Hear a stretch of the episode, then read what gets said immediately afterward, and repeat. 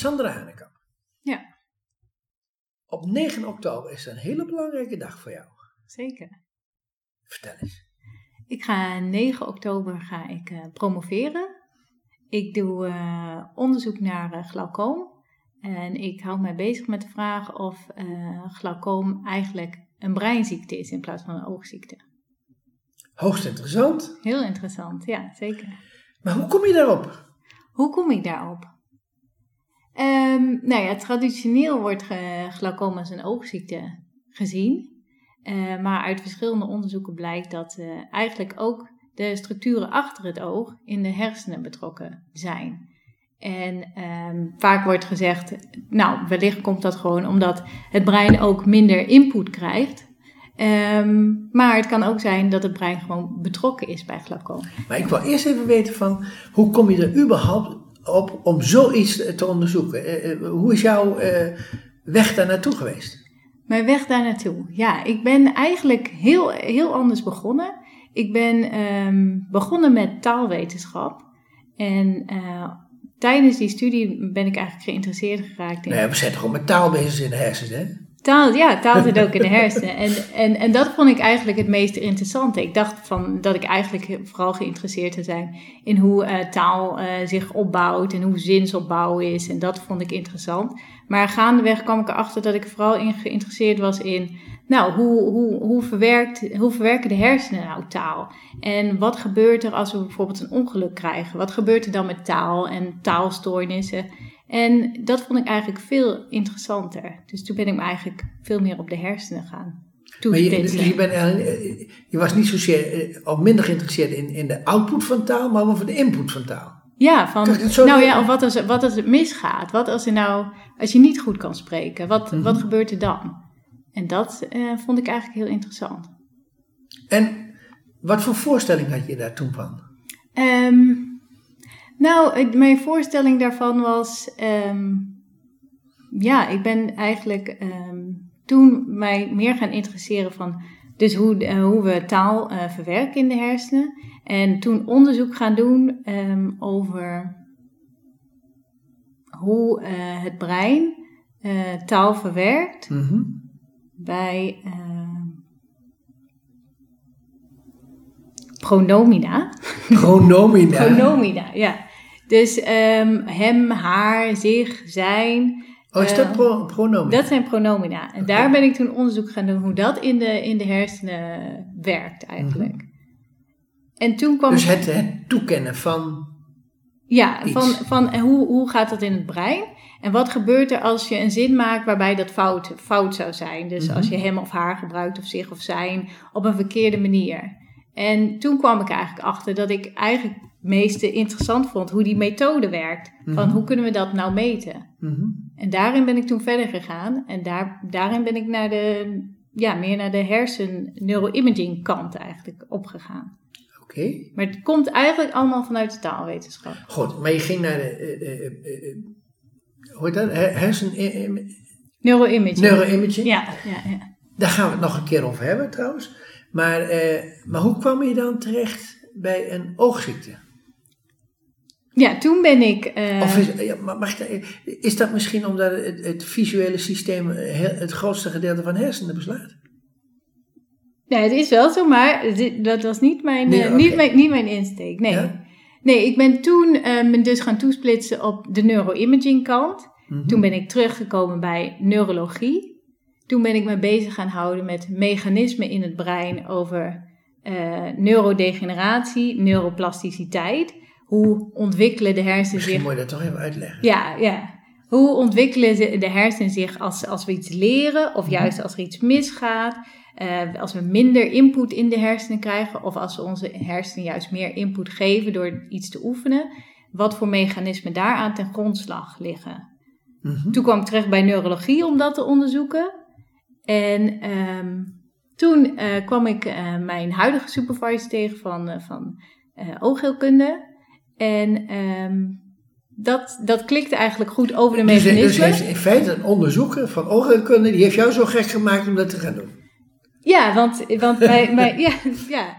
Nou, mijn, mijn passie voor die mechanismen en, en de neuroimaging technieken... Mm -hmm. um, dat kon ik eigenlijk ook bij glaucoom kwijt. En ehm, het visuele systeem is daar echt een, een hele, heel, ja, hele goede kandidaat voor om dat te onderzoeken hoe dat werkt.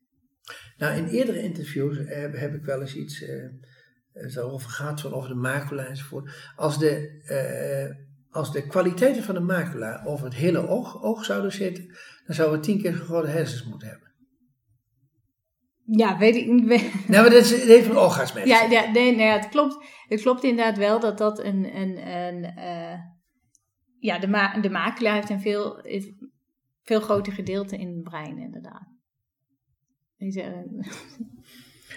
Maar nou even van, nou, je bent daar begonnen mee, maar je zult ongetwijfeld daar eerst rondgekeken hebben en, uh, en wat kan ik ermee? Ja. Hoe was die tocht? Wat, wat kwam je tegen? Um, wat kwam ik tegen in mijn tocht? Zo, om, om te beslissen dat je daar een onderzoek over zou gaan doen. Um, nou, ik, ik vond um, de, de vraagstelling uh, of het brein betrokken zou zijn bij bij glaucoom, mm vond ik een vraag sowieso die ook beantwoord zou moeten worden. En um, ik denk dat met mijn, met een, met een ja, meer de, een neurowetenschappelijke blik daarop, dat je daar dus heel veel, heel veel, ja, veel verder in kan komen. Ja, ja, ja. En nu even naar, naar, uh, naar het onderwerp en, en naar de, uh, uh, naar de, de, de, uitkomsten, of nou, eerst, eerst het onderzoek misschien behandelen. Ja.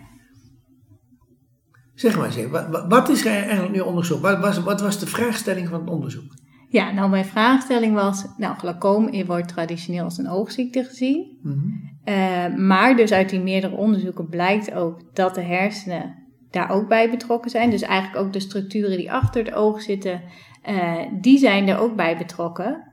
En mijn vraag daarbij was: hoe komt dat nou? Komt dat puur doordat we minder visuele input zien bij glaucoom? Of is er iets anders aan de hand? En daar heb ik mij eigenlijk mee bezig gehouden. En nu kun je dat natuurlijk op dat moment wel beweren, maar hoe meet je dat? Hoe ik dat weet? Nee, hoe meet je dat? Hoe meet ik dat? Ja, we hebben uh, hersenscans bij verschillende groepen patiënten gemaakt. Um, groepen patiënten die in eh, Groningen zijn gescand mm -hmm. met monoculair glaucoom, dus glaucoom aan één zijde. Um, daarnaast hebben we ook patiënten gescand die uh, blind zijn aan één oog um, door bijvoorbeeld een trauma, dus die, mhm. eigenlijk, die geen oogziekte hebben. Ja. En ik heb hersenscans uh, gemaakt, of een collega heeft die gemaakt in Japan. En dat zijn, in, in Japan is interessant dat mensen met glaucoom uh, geen verhoogde oogdruk hebben. Dus de meest voorkomende um, soort glaucoom in Japan heeft geen verhoogde oogdruk. Misschien moeten we nou even heel kort even uitleggen wat glaucoom is. Glaucoom, ja, glaucoom is een, is een, wordt dus als een oogziekte gezien, maar het is een ziekte van de retinale ganglioncellen. En dat zijn gespecialiseerde cellen die betrokken zijn bij het zicht. Mm -hmm. En die sterven langzaam af wat leidt tot dat de oogzenuw langzaam afsterft. Mm -hmm. En um, vaak wordt in de, ja, in, het, in de in volksmond wordt er gezien als dat dat komt door verhoogde oogdruk. Maar dat is een risicofactor. Het hoeft niet zo te zijn dat de oogdruk verhoogd is. kan ook voorkomen zonder verhoogde oogdruk. En sommige mensen hebben een verhoogde oogdruk, maar geen glaucoom. Ja, precies. Uh, maar even verder over dat onderzoek. Van, nou, nou, hoe meet je dat en hoe, uh, wat kun je eigenlijk zien? Of, of heb jij in je onderzoek aangetoond uh, wat je kunt zien bij verschillende soorten? Ja. Um, wat je kan meten met die hersenscans die ik heb gemaakt. Um, eigenlijk normaal met de, de soort hersenscans die, die ik heb gedaan, daarmee kan je eigenlijk op een groepsniveau zien of er verschillen zijn. Groepsniveau bedoel je, bedoel je statistisch? Ja, ja, ja. En dus ik kijk niet naar de hersenscan zelf met het oog, mm-hmm. maar ik kijk daarmee met statistische technieken. Mm-hmm. En daarmee doe ik dan berekeningen en dan kijk ik wat het verschil is. En ik heb specifiek gekeken naar de, het verschil in witte stof bij mensen met glaucoom. Want dat is het enige wat je kunt uh, waarnemen op een? Nee, je kan, je kan ook uh, de hersenvloeistof zien, en je kan de grijze stof zien, maar ik kijk dan naar de witte stof. En daar, daarin, um, daarin ben ik dan het meest geïnteresseerd voor, voor glaucoom. Hoe ging verder het onderzoek? Want, want, wat er ook vaak gebeurt, is dat je de, de onderzoeksvraag moet aanpassen, omdat, je, omdat de technieken nog niet zo ver zijn, of dat er uh, bepaalde resultaten zijn die, uh, die je verder niet kunt gebruiken. hoe ging ja. het bij jou? Nou, mijn, mijn, een van mijn initiële vragen was ook van welk mechanisme ligt nou ten grondslag aan de, aan, aan de veranderingen in de hersenen die wij zien. En gaandeweg ben ik er wel ach, uh, achter gekomen dat ik die vraag eigenlijk niet kan beantwoorden. Ik Mhm. weet niet precies welk mechanisme uh, een rol speelt. Maar ik kan wel zeggen, komt het nou door minder input of is er ook iets meer aan de hand?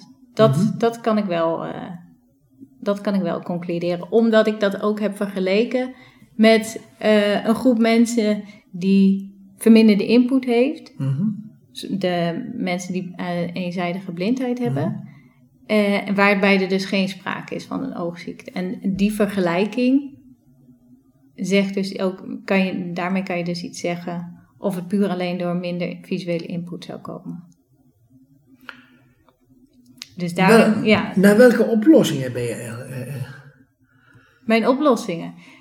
Ja, of, uh, er hoeft natuurlijk geen oplossing te komen, maar je, je constateert iets natuurlijk in een onderzoek.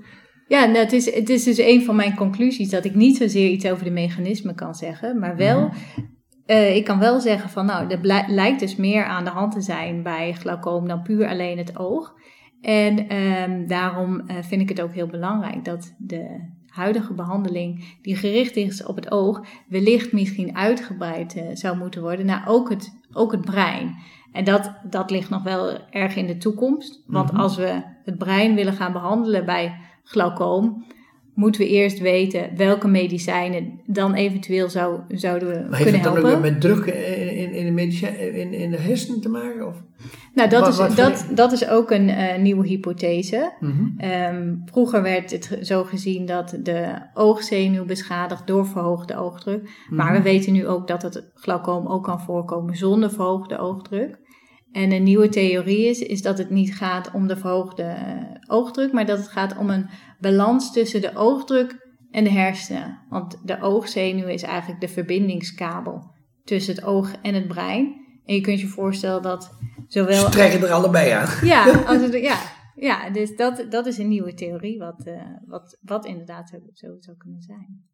En bij elk onderzoek komen er altijd meer vragen dan je... De, de oplossingen. Ja, ja dat, nou, ik denk wel dat, dat dit onderzoek een hele duidelijke richting aangeeft waar, waar naar mijn inziens uh, toekomstig onderzoek voor glaucoom op het gebied van hersenen naartoe zou moeten.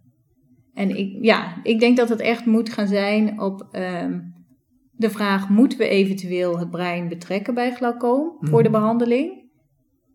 En als we dat gaan doen, Welk, welk medicijn moeten we daarvoor gebruiken?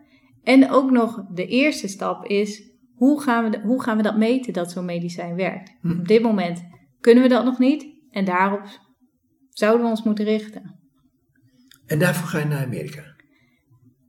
Ja, nou, ik ga, ik ga uh, naar Amerika om soortgelijk onderzoek te doen, maar dan bij een andere ziekte.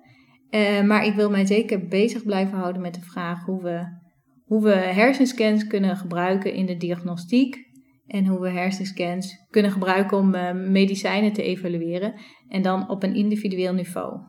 Dat, dat, uh, dat ga ik doen in Amerika. Hoogst interessant. En heb jij nog iets wat je nog zou willen vertellen? Ja. Of hebben we alles gehad? Hebben we alles gehad? Nou, ik denk wel dat, het over, dat we nu wel ongeveer weten waar het... Uh, waar het onderzoek uh, ja. heen gaat. En, maar uh, je hebt vast een idee opgedaan of opgekregen van... wat, zal, wat zal hier straks mee, gebeuren, mee kunnen gebeuren? Nou, we, we gaan wel ook verder met, met deze ideeën van hoe kunnen we hoe kunnen we hersenscans gebruiken voor de diagnostiek voor glaucoom. Mhm. En we zijn wel met projecten bezig eh, om te gaan kijken naar de oogzenuw met de techniek die we nu gebruiken voor de hersenscans. En eh, die te meten op een individueel niveau. En eh, om, om dat te gaan ontwikkelen, een bepaalde tool daarvoor. Zodat we straks in een volgende fase een potentieel medicijn zouden kunnen gaan evalueren. Want gaat achter het oog, slaat dat medicijn aan? Werkt dat nou? Eh, Het is allemaal veel van zou kunnen, hè? Ja, ja. Dus, Hey Sandra, mag ik jou heel hartelijk danken voor het in- interview. En jou heel veel succes wensen in je nieuwe baan. ja, dankjewel. Dankjewel. Dankjewel.